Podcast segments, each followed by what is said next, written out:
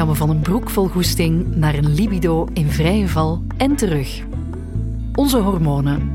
Het ene moment kunnen ze lelijk huishouden. Dan stormt het in ons hoofd en in ons lijf. Het andere moment zwingen ze dat het een lieve lust is. En dan kunnen we de wereld aan. Ik ben Kirsten Lemaire en je luistert naar Rebellen tussen de lakens. Een podcast over vrouwen, hormonen en seks.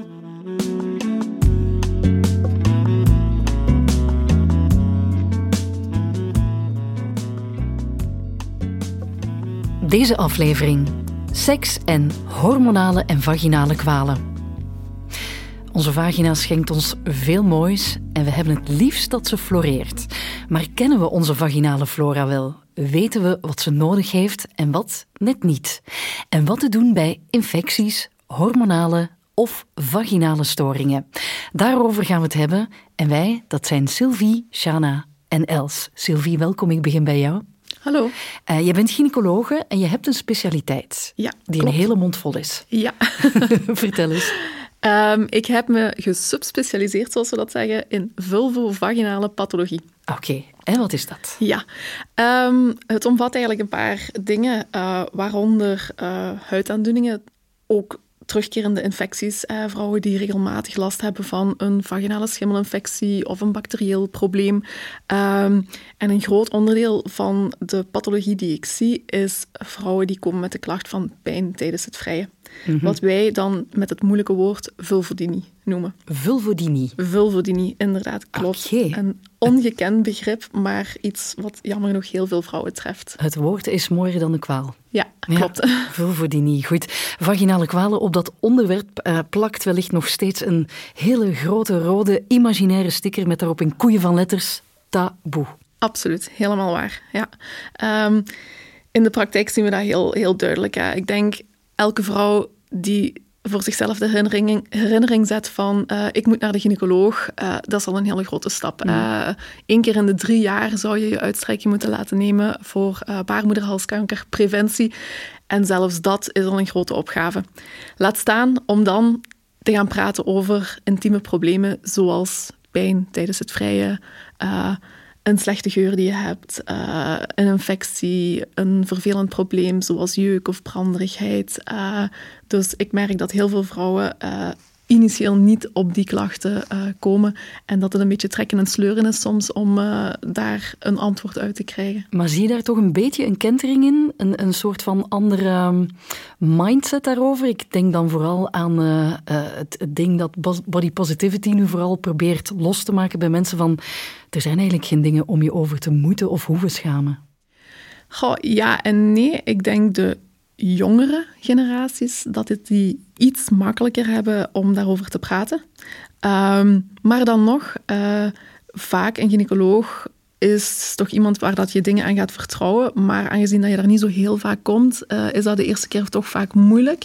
Um, er zijn natuurlijk patiënten die over alles gemakkelijk praten, maar over het algemeen blijft dat toch een moeilijk onderwerp. Oké, okay. ook Shana is hier, welkom. Hallo. Uh, jij hebt al een heel parcours achter de rug met vaginale kwalen.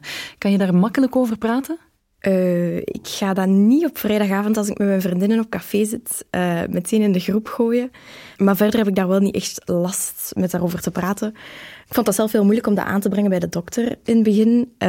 maar eens dat die drempel inderdaad overgestapt is, zo gezegd, gaat dat wel makkelijker. Maar ja, het is niet zo'n aangenaam gesprek of zo dat ik met mijn collega's op het werk ga hebben. Tuurlijk natuurlijk. niet. Nee. Maar het feit dat je vandaag met ons wil praten en dat, dat allemaal wil delen, ja, maar dat is toch wel fantastisch. Ik vind het belangrijk om daar wel over te praten, omdat er... Uh, ik weet dat er veel meer mensen zijn die met hetzelfde probleem kampen. En ik vond dat heel vervelend om te horen. Ja, maar uh, ik, ik, weet zelf niet meer wat je kan doen om, om, om het op te lossen. Mm -hmm. Dus ik dacht, ja, als ik hier uh, mijn verhaal kon vertellen, misschien doet dat wel iets en helpt de andere mensen inderdaad om die drempel inderdaad over te steken. Ja, Klopt, het, inderdaad. Het is, uh, het is een teaser naar wat we allemaal nog gaan bespreken. We gaan het er straks nog veel meer over hebben. Want we behandelen vandaag eigenlijk twee thema's. We gaan het hebben over vaginale kwalen, maar ook over hormonale kwalen. En dan kom ik bij Els. Dag Els, welkom. Hallo. Jij hebt PCOS. Ja. Ik kende dat niet. Maar wat is dat? Uh, dat is de afkorting voor polycysteus ovarius syndroom. Eenvoudig gezegd maak ik te veel testosteron aan en dat heeft zo zijn gevolgen. Onder andere heb ik geen ijsprong bijvoorbeeld. Oké. Ik neem aan, ik zeg nu, ik kende dat niet, maar ik neem aan jij ook niet vooraleer je zelf mee te maken kreeg. Nee. Nee. Maar ik heb de diagnose wel al gekregen op mijn 17, dus dat is vrij snel. En jij bent nu?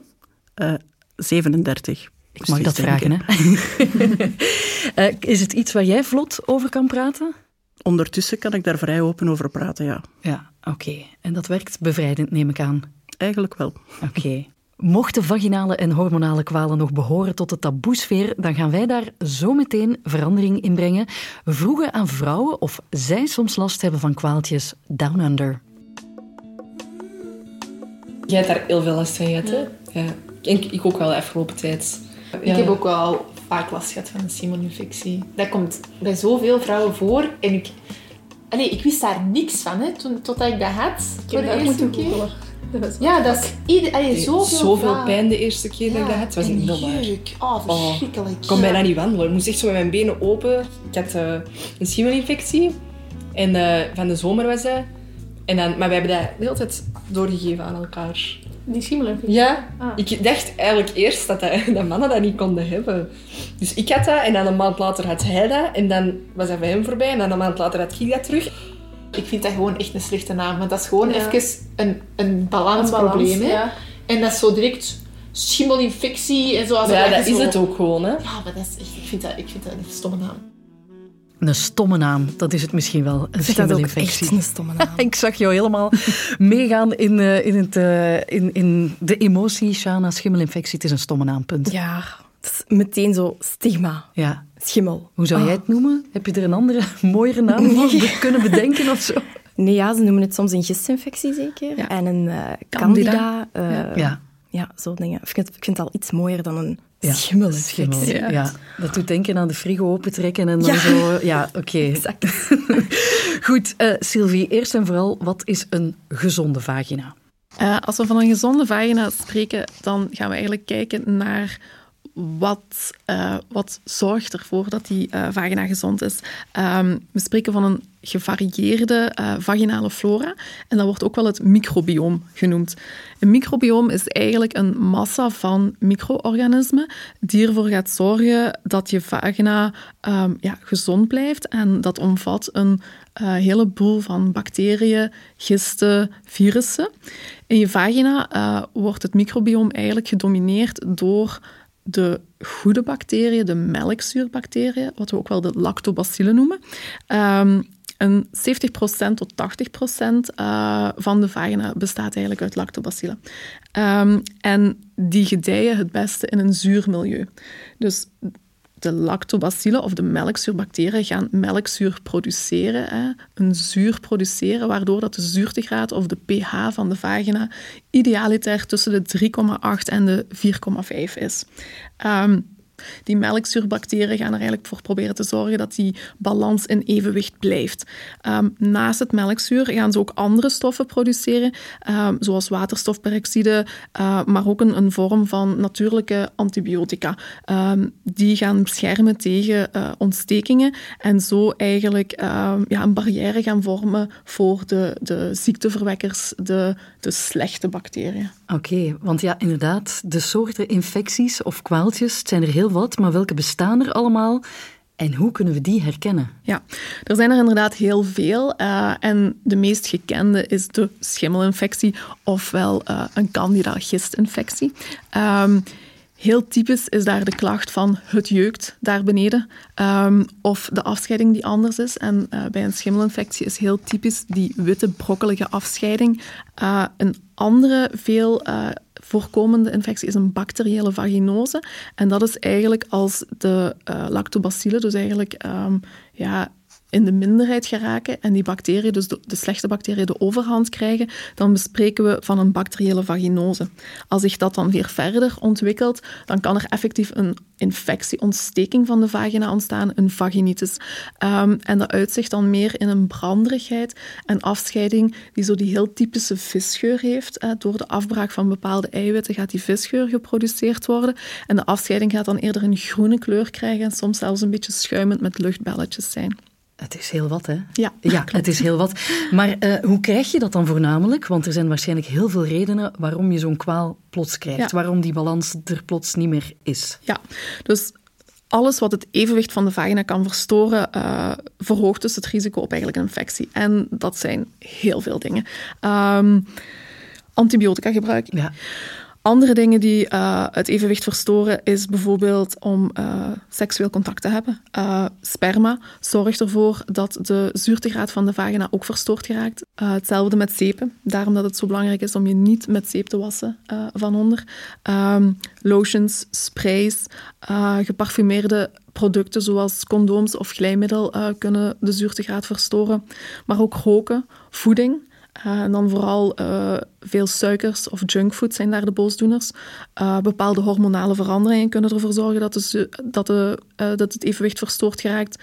Um, naar het zwembad gaan of sauna bezoek. Synthetische kledij, strak ondergoed, wasverzachters, vaginale douches ja, eigenlijk te veel om op te noemen, kan alles uh, uit evenwicht brengen. Oké, want we kennen allemaal zo die uh, reclameboodschappen die dingen aanprijzen om de intieme zone mee te wassen. Mm -hmm. uh, dat is dus eigenlijk helemaal niet goed.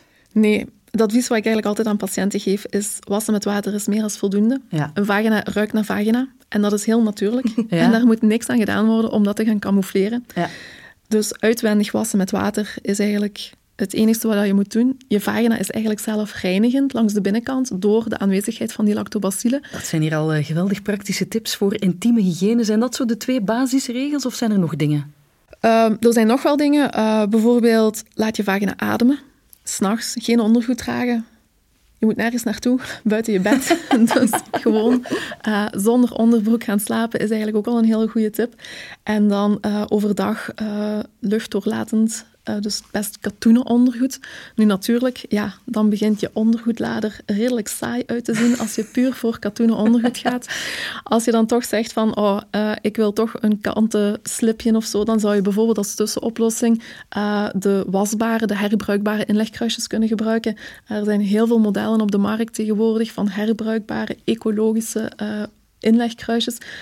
die kan je heel gemakkelijk dragen over je kanten slipje. Okay. En dat is eigenlijk een goede tussenoplossing. Nu je het hebt over de inlegkruisjes, tampons. Is dat iets wat uh, effect heeft op onze vaginale gezondheid? Ja, ook tampons heeft een groot effect op de zuurtegraad van de vagina. Uh, een tampon gaat eigenlijk alle vloeistoffen opslorpen. Um, ook de bacteriën, ook de goede bacteriën. Um, een tampon is een broeihaard opnieuw terug van uh, bacteriën. Um, dus zeker belangrijk dat je regelmatig je tampon wisselt. Uh, idealiter zeker om de acht uur. Maar ook als je je tampon wisselt, goed je handen op voorhand wassen uh, voordat je eraan start. Ja, een cup, is dat dan beter om te gebruiken? Een cup gaat natuurlijk niks absorberen en gaat gewoon het bloed verzamelen. Dus is inderdaad een betere manier om tijdens je menstruatie ja, je bloedverlies op te vangen. Oké, okay, Shana, jij hebt vaak last van vaginale kwaaltjes. We haalden het daarnet al even aan zonder al te veel details. Wanneer is het bij jou begonnen? Oei, oei. dat, is, dat, is, meteen een moeilijke vraag. Ah ja? Um, ik denk toen ik 19, 20 was, zoiets. Ja? Ja, ik had, uh, ik had jeuk. Mm -hmm. uh, en dat was vervelend. En uh, alles was rood en gezwollen. En ja, ik ben daarmee naar de dokter geweest. En toen um, had ik blijkbaar inderdaad een zo'n tevoort schimmelinfectie, ja. En um, ik heb daar toen wel een behandeling voor gekregen. Dat is dan daarna wel weggegaan. Um, maar ik denk dat dat na een half jaar of zo terug was. Mm -hmm. En daarna werd dat dan meer en meer eigenlijk. En op een duur had ik tijdens elke cyclus na mijn regels en na mijn, mijn, mijn ijsprong ook opnieuw een, een infectie. Ik moest er echt rekening mee houden. En dat werd echt zo... Dat was meegecalculeerd in mijn leven. Ja. Um, en deed het ja. ook pijn? Ja, uiteraard. Ja, ja, maar ja, je kan, het kan gezwollen zijn. Je kan ja, allerlei... de, de jeuk leidt een beetje tot de pijn. Hè? Allee, ik denk dat dat het, het idee ervan is. Ehm, en ook gewoon tijdens het vrije zelf. Ja, dat, dat is ook niet echt super aangenaam. Eh, we kregen dan ook te horen dat we dat best niet meer deden, want dat hij dan inderdaad ook, eh, zoals we daarnet hoorden, de infectie zou kunnen doorkrijgen Een pingpong-effect. Ja, en dat was eigenlijk een visieuze cirkel. Ja. Dus, eh, Maar je zei, kreeg een behandeling. Wat heb je toen gekregen? Goh. Stap 1 is denk ik de soort van opsteek. De crème. Ja, crème, inderdaad. Ehm, en dat heeft in het begin wel geholpen. Eh, maar na verloop van tijd ja, hielp dat totaal niet meer. Ik had zo'n, ja, krijgt dan zo'n supergrote tube hè, eh, met zo van die spuitjes. Ja, ja. super tof. Helemaal niet gênant. en ehm, ik had altijd s'avonds tegen mijn vriend, ja, ik ga even naar het toilet, toilet want ja, hè, het is weer zover ik moet... eh. En dan is dat denk ik tien dagen. Ehm, daarna zou dat dan weg moeten zijn, maar als je dat niet lang genoeg doet, of het was toch niet helemaal weg, dan komt dat ook meteen terug. Ja. Eh, stap 2, denk ik, waren ze van die opsteekpilletjes, denk ik. ja. Ja, ampoules. Chance dat er iemand bij zit die er iets van kent. Want, ehm, maar ja, ik kreeg eigenlijk geen andere antwoorden dan blijf dat maar doen. En als je voelt dat het eraan komt, Doe of er dan. komt zo wat jeuk, ja, ja.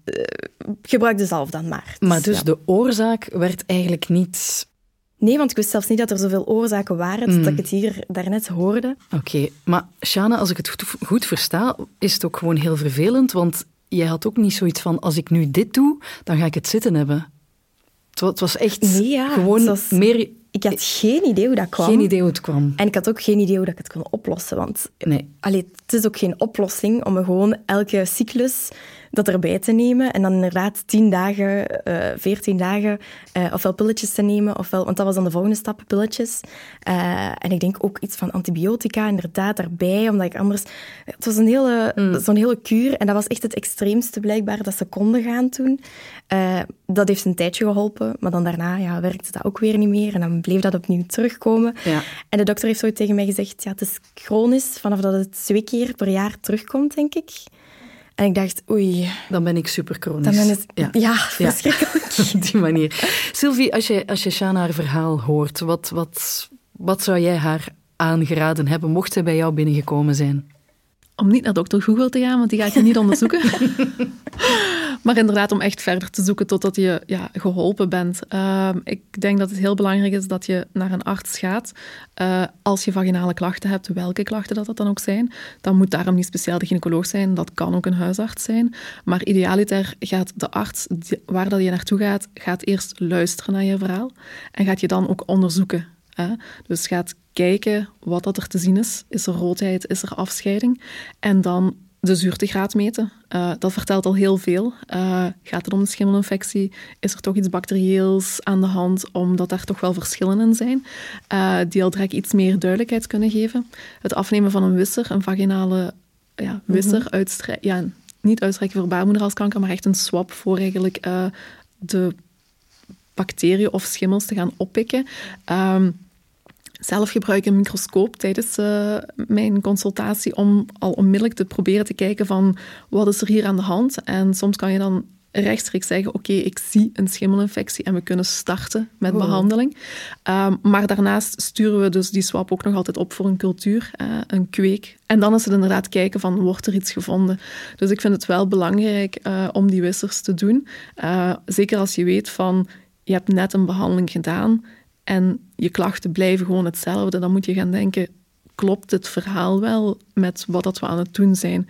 Dus wat ik ook heel vaak doe, is patiënten gewoon een swab mee naar huis geven.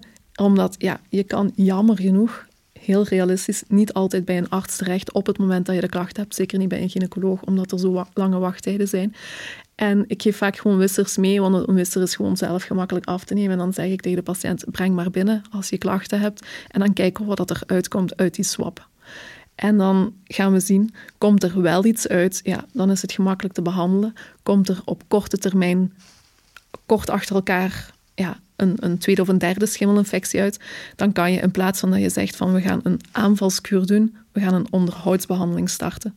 Dus dat je op langere termijn eigenlijk uh, probeert die schimmel te onderdrukken. En dan zouden de klachten ook effectief moeten wegblijven.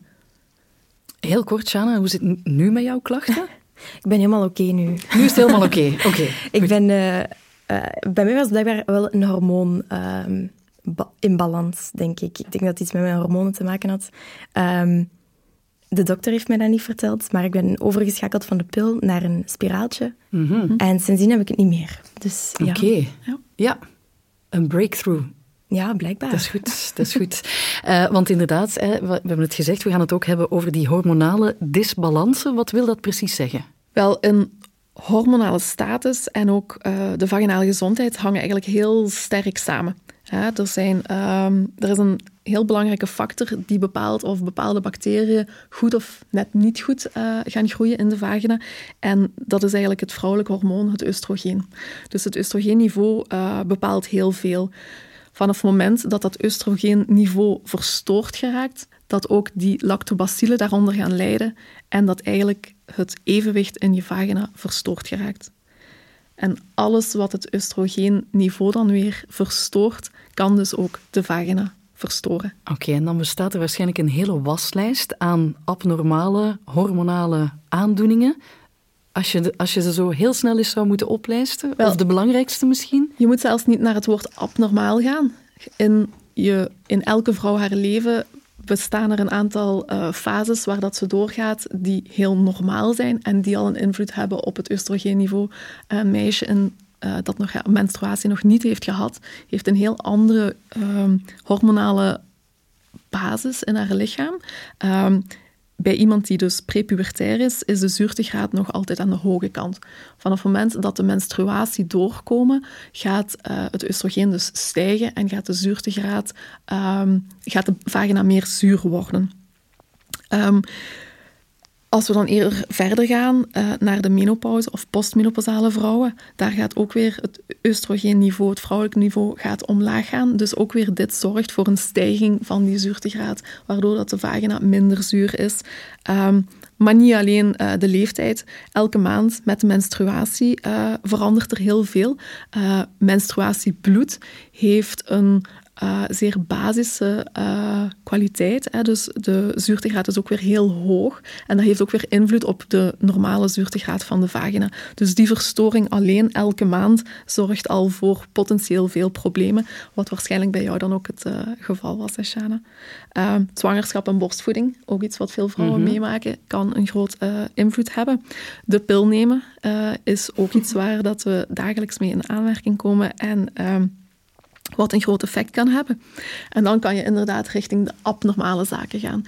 Ondergewicht of vooral een laag vetpercentage hè, um, zorgt er weer voor dat uh, het oestrogeenniveau heel laag is. Behandeling van kanker uh, heeft ook groot effect op de eierstokken. En ook daar kan dus weer een uh, vaginale imbalans als gevolg optreden.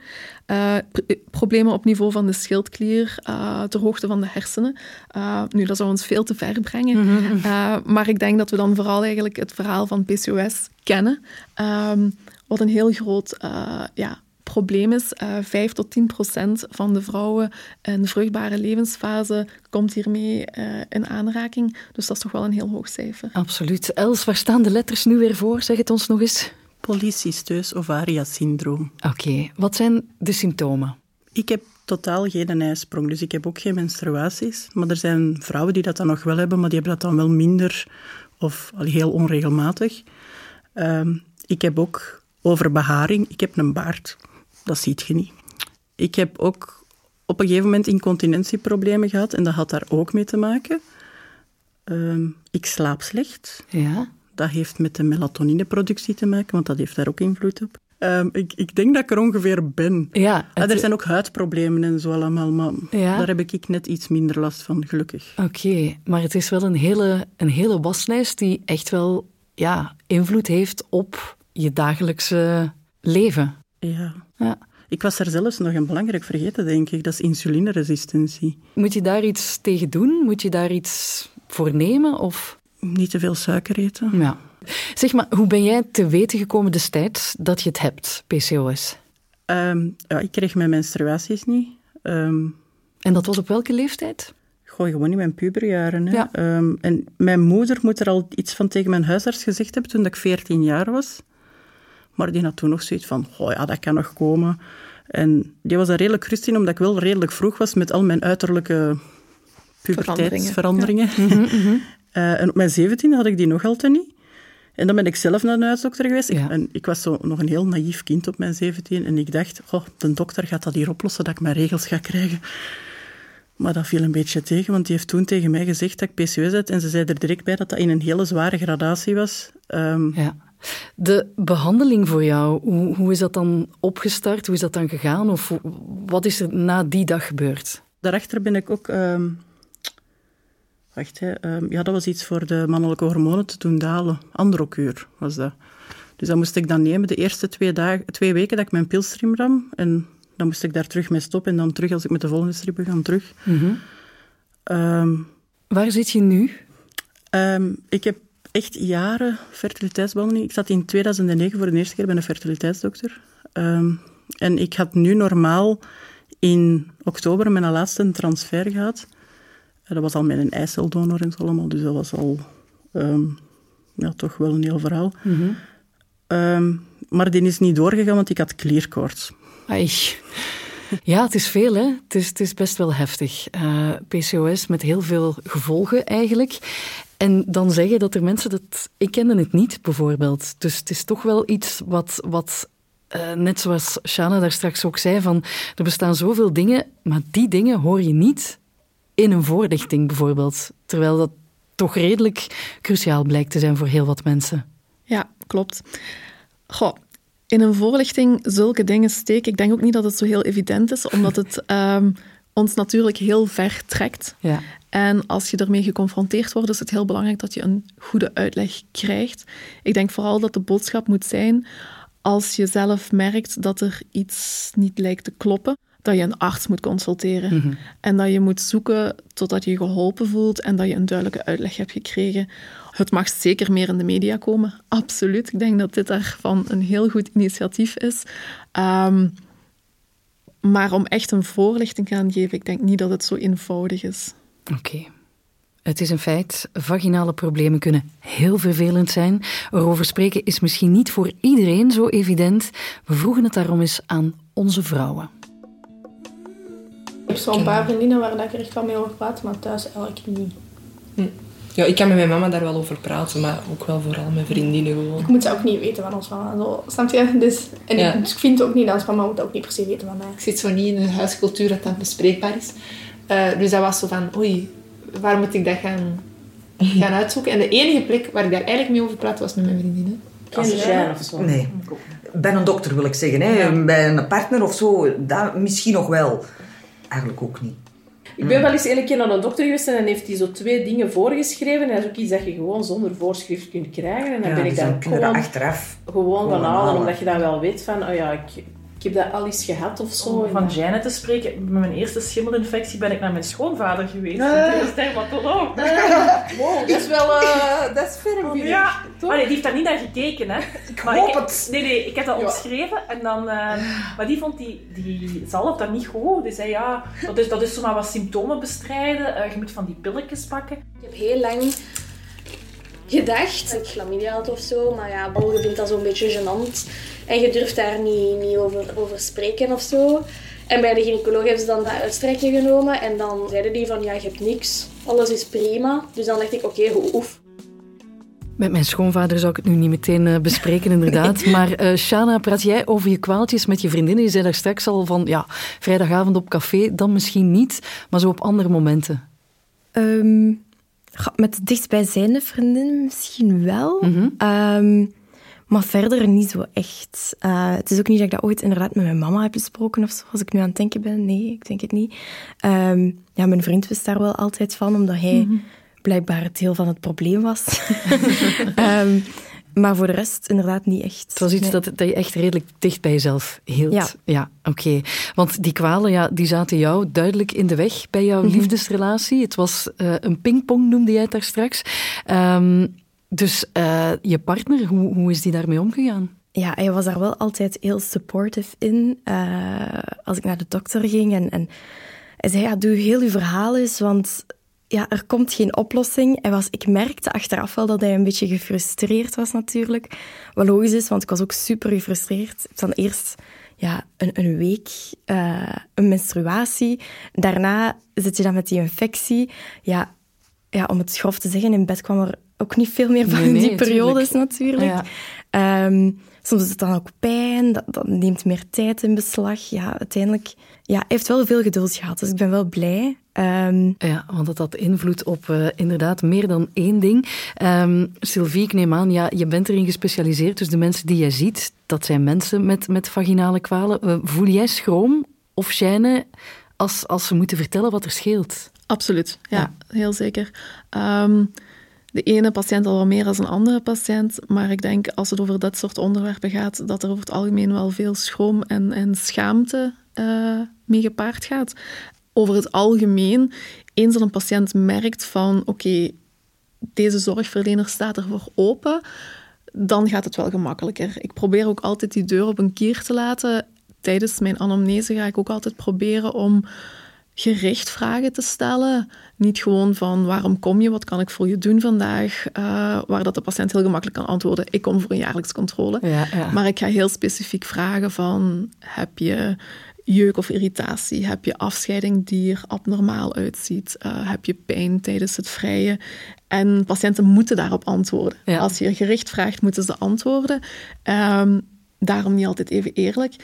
Maar vaak komt het er dan wel uit tijdens klinisch onderzoek. Een patiënt die haar benen samenknijpt tijdens een onderzoek, of waar je zelf een geur merkt, kan je al heel gemakkelijker bespreekbaar maken van "Hmm, ik merk dat het toch pijnlijk voor je is, of ik merk dat je het vervelend vindt. En zo kan je er gemakkelijker op inpikken. Ja. Ik denk dat het als zorgverlener heel belangrijk is dat je eh, aan de patiënten duidelijk maakt dat elk onderwerp eigenlijk bespreekbaar moet zijn, dat er geen vraag te gek is en dat zij ook vooral niet de enigste zijn met dat probleem. Ja, voilà. Ehm, en dat schaamte dus absoluut niet nodig is. Ja, doe je verhaal Ja. of kom gewoon langs, ik zal wel gerichte vragen stellen. voilà. Niks is te gek. Nee, nee. Els, hoe is dat bij jou? Ben jij gegeneerd om over je PCOS te praten? Eh, niet meer. Ja. Vroeger wel. ja. Je omgeving is, is ervan op de hoogte? Eh, ja, ondertussen goh, zelfs kennissen en collega's. En Ja. maar ja, ik bedoel, het is gelijk dat ik zeg, ik ben met fertiliteit bezig geweest. Als je dan tegen je baas moet gaan zeggen, ja, ik moet die een dag voor een controle-echo gaan. Het is wel handig dat je dan weet waarom Ja. dat, dat is.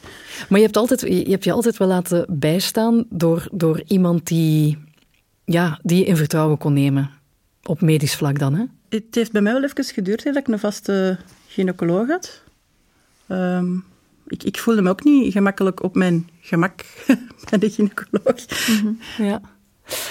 We hebben het al een paar keer gehad ook over seks en pijn. Seks kan een invloed hebben op onze vaginale gezondheid. Infecties door sperma, irritaties van condooms, maar ook SOA's kunnen ons te beurt vallen na een goede beurt. Hoe houdt ons vrouwenkrantje haar vagina in balans? Mensen denken ook vaak dat ze zo daar geurtjes moeten aanbrengen en met Oh, zeepen. nee, en, hè. nee. Nee, nee, Terwijl juist niet, nee. water, Ja. alleen water.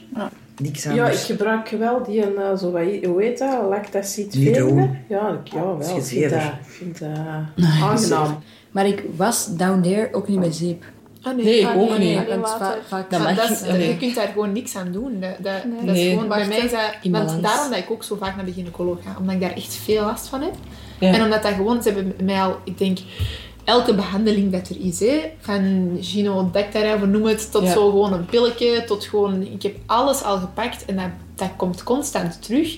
En nu zo in een veel meer... Ja, latente, slappende vorm. Zo, ik heb totaal niet meer zo die harde symptomen, maar ik merk nog altijd wel in mijn witverlies van, oh, dat zit, niet, dat zit weer niet juist. Ik heb daar zelf niet per se enorm veel last van, buiten het feit dat ik daar enorm onzeker over ben. Zeep, geen zeep, water, eh, alle vormen van intieme verzorging komen eh, aan bod. Seks, eh, dat heeft natuurlijk ook invloed op het Ja. microbioom. Dat heb je daar, daar straks al beschreven. Maar hoe was dat nu weer precies? Of hoe, hoe gaat dat? Of, Ja. De vagina is zuur en sperma is dat niet. sperma is alkalisch of basisch, zoals we dat noemen. Dus de vagina gaat eigenlijk uit zijn evenwicht getrokken worden doordat er sperma toegevoegd wordt. De vagina gaat minder zuur worden en dat vinden die slechte bacteriën natuurlijk heel fijn. Zij gaan toenemen en die gaan dus potentieel voor problemen zorgen, want ze gaan de goede bacteriën, de lactobacillen, onderdrukken. Je kan dat natuurlijk voorkomen door een condoom te gebruiken. Uh, dat is al één ding. Um, maar natuurlijk, ja, dat gebeurt niet altijd. Dus uh, ja, kan uh, seks inderdaad een invloed hebben op je microbioom, op de vaginale gezondheid.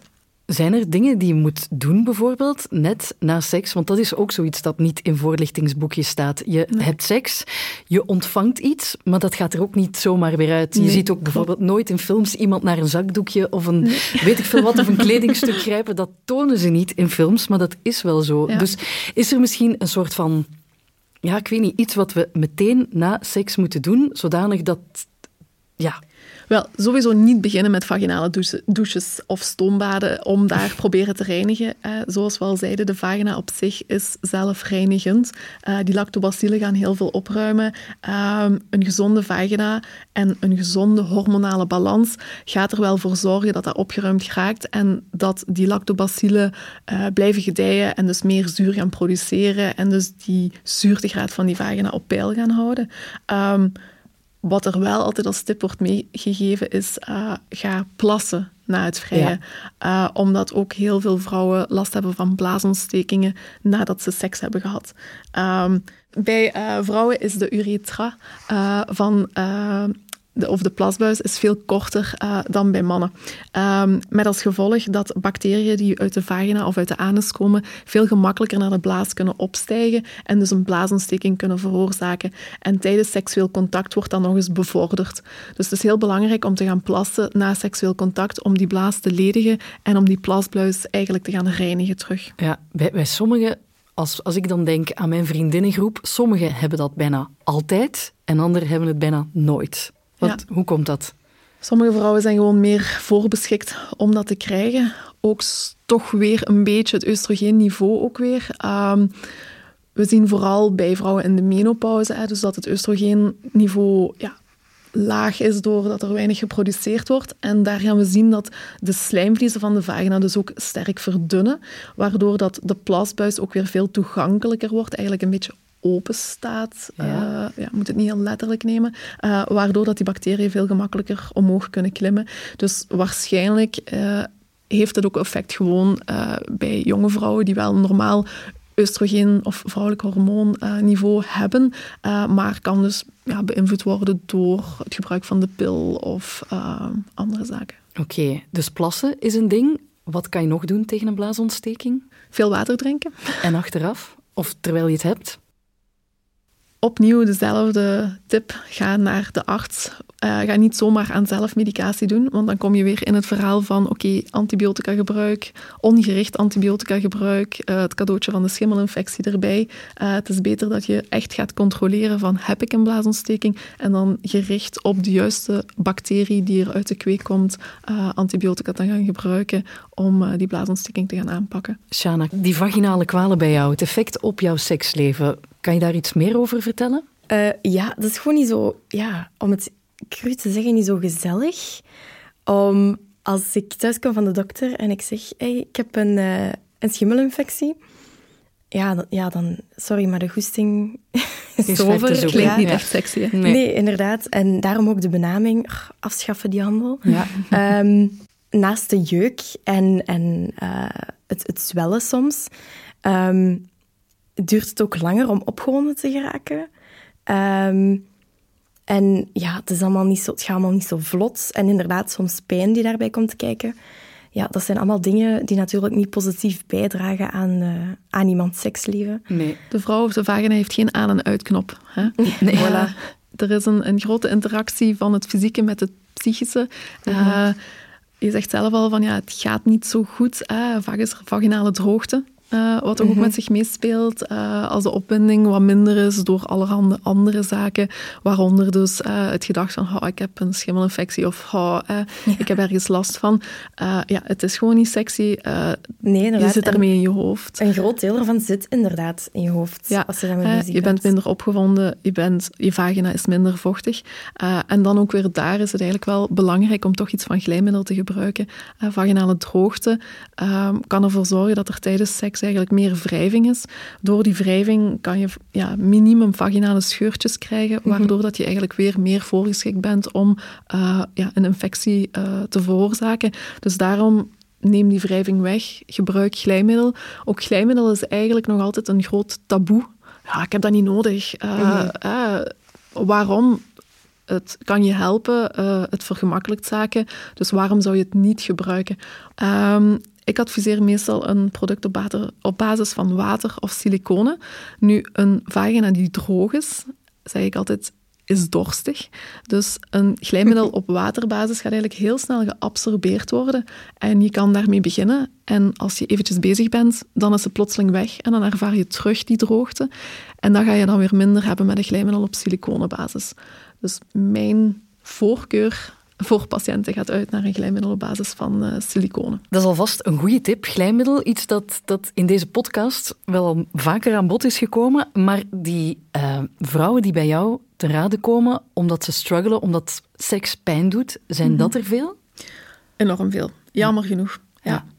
ja. Um, pijn tijdens seks kan natuurlijk omwille van verschillende redenen zijn. Uh, dat kan te maken hebben met infecties die er zijn door uh, hormonale disbalans, waardoor dat er vaginale droogte is.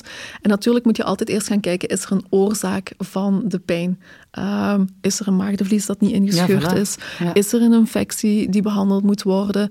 Um, is het de menopauze die voor klachten zorgt? Uh, gebruikt de patiënt medicatie die ervoor zorgt um, dat er droogte is of uh, ja, een probleem is van onder? Uh, is er anatomisch een probleem? Maar is dat allemaal niet het geval, dan wil dat niet zeggen dat de patiënt een glaasje extra wijn moet drinken om er vanaf te geraken, of dat ze wat meer moet experimenteren met een seksspeeltje. Mhm. Mm -hmm. En dat zijn jammer genoeg ex echte adviezen die patiënten krijgen ja. van zorgverleners. Um, en dat is zo zonde, omdat één op twaalf vrouwen ervaart pijn tijdens seks. En dat is zo'n hoog aantal uh, van vrouwen. Uh -huh. En die vrouwen doen dan al de stap naar een zorgverlener. De diagnose van vulvodynie, het woord dat ik daar straks ja. al uh, had aangeraakt. Um, vulvodynie wil dus eigenlijk zeggen dat een vrouw pijn ervaart uh, ter hoogte van de vulva. Dat is eigenlijk meer het uitwendige gedeelte tot net aan de ingang van de vagina, uh, zonder dat er eigenlijk een duidelijke aanwijsbare uh, reden is. Um, meestal wordt die pijn ervaren als een branderigheid, maar soms ook als jeuk of droogte. Um, vrouwen zeggen nog wel eens van, ik heb het gevoel dat ik inscheur tijdens uh, seksueel contact, omdat er messen uh, in mij gestoken worden. Um, soms is het chronisch, soms kan dat ook plots opkomen. Soms is het over heel de vulva aanwezig, soms maar over een onderdeel. Maar heel typisch is dat het door, een, ja, door wrijving, vaak door druk of door wrijving eigenlijk ontstaat. Hè. Dus meestal tijdens seksueel contact. Maar sommige vrouwen ervaren het ook bijvoorbeeld bij uh, fietsen of paardrijden of het dragen van strakke kledij of lang te moeten zitten. Mm -hmm. Wat we gaan doen bij een patiënt die met die klachten komt, is met een wattenstaafje eigenlijk uh, een heel oppervlakkige aanraking gaan doen ter hoogte van het vestibulum. En dat is het gedeelte van halfweg tussen de kleine schaamlippen tot eigenlijk net voor de ingang van de vagina tot aan het maagdevlies. En we gaan heel oppervlakkig aanraken en we gaan dan aan de patiënt vragen om een pijnscore te zeggen.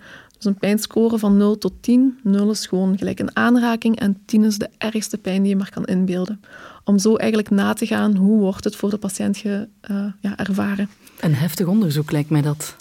Ja, er zijn effectief patiënten die dat niet aankunnen, dat dat zoveel pijn doet en die echt vragen om te stoppen. Ja. Wat we dan ook doen natuurlijk. Ja, ja. Oké, okay, je stelt het vast. En dan? Wat kunnen die patiënten dan doen? Wat, wat gebeurt er dan? Ja, ehm, eerste stap is uitleg. Uitleg wat dat er juist aan de hand is. En ehm, we weten niet zo heel goed wat dat de oorzaak is van vulvodynie. Uh, een kleine aanraking die op je been of je arm als heel normaal uh, ervaren wordt, wordt in dezelfde vorm daar op die plaats ervaren als een enorme pijnprikkel. Dus wat dat we gaan doen is eerst en vooral de patiënt erop wijzen dat ze niet alleen is. Uh, dat er veel meer patiënten zijn zoals haar die hetzelfde meemaken. Uh, en dat het ook te behandelen is. Hm. We gebruiken medicatie die voor ja, chronische pijnen eigenlijk gebruikt worden. Die we in eerste instantie uh, gaan verwerken in een lokale crème, die de patiënt lokaal moet aanbrengen. Ehm, zien we toch niet het gewenste effect, dan gaan we doorgaan naar orale medicatie. Geraken we er daar uiteindelijk nog niet mee, dan bestaat er ook nog een operatie, waar dat we heel oppervlakkig het slijmvlies uh, verwijderen, daar ter hoogte van het vestibulum, daar waar we eigenlijk die aanrakingen doen. Ja. Vulvodynie. PCOS, hoe heeft dat een effect op het uh, seksleven, Els? Goh. ik ben als kind seksueel misbruikt. En rond mijn zeventiende ben ik dan nog eens verkracht geweest. En jij geraakte er gewoon niet in, omdat ik mij zo opspande. Mm -hmm. En ja, sindsdien denk ik dat het helemaal zeep was. Um, dus bij mij werd die link daarvoor al gelegd. En, en ik ben wel in traumatherapie en zo bij een psycholoog mm -hmm. geweest. En ik heb wel de indruk dat dat inderdaad vooral mm -hmm. geholpen heeft. Dus ik denk dat zo bij mij inderdaad het zo meer ja, psycholo psychologisch was, waardoor dat ik me echt gewoon afsloot om ja. voor mannen om daarin te komen. Zeker. Ja, ja. Echt letterlijk. samen, hè? Ja. Zo van, je mocht er niet in. Nee. nee. Um, maar ja, dat is niet... Voor mijn partners was dat natuurlijk ook niet zo nee, nee, nee, nee. Je hebt nu een, een... Nu is het anders, zeg je. Ik, ik, uh, ik, ik, ik kan het anders... Ik kan er weer van genieten, of... Ja, en dat is wel heel raar, want ik heb dus heel lang niet van seks kunnen genieten. Echt totaal niet. En um, nu is zo precies zo het andere uiterste. Ja, maar ja, dus, ik zou zeggen goed. goed. Um, ja, het is, het is um, voor mij soms ook allemaal een beetje nieuw, ook al is al wel even um, meer in orde. Mm -hmm. Maar ik heb dat wel zo stilletjes aan, ja, moet ik het zeggen, zo moeten opbouwen. Ja. En ik, heb, ik denk dat ik momenteel een vrij hoog libido heb voor een vrouw. Oké. Okay. En ja. ik, heb een vrouw, uh, ik heb een vriendin die dat ook PCOS heeft en zij zegt dat ze dat ook heeft. Ah ja. En is, is de, Sylvie, is dat iets dat... Ja, uh, bij PCOS, uh, heel typisch, is er een verhoogd uh, niveau van het mannelijk hormoon. Ja.